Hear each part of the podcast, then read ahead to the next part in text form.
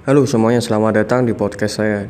Di sini saya akan membahas tentang manfaat mengonsumsi makanan fermentasi untuk tubuh. Sekedar yang ingin tahu ya, apa saja sih makanan yang berfermentasi? Yaitu ada tempe, tahu, tauco, yogurt, dan kimchi. Hmm, apakah Anda tahu persamaan makanan tersebut? Ya, semuanya adalah jenis makanan yang terbuat dari hasil fermentasi. Fermentasi merupakan cara untuk mengawetkan makanan yang telah dipraktikkan selama ribuan tahun. Makanan berfermentasi adalah jenis makanan yang diolah dengan bantuan mikroorganisme seperti bakteri, ragi, dan lainnya. Umumnya, makanan yang difermentasi memiliki rasa yang kuat dan menyengat.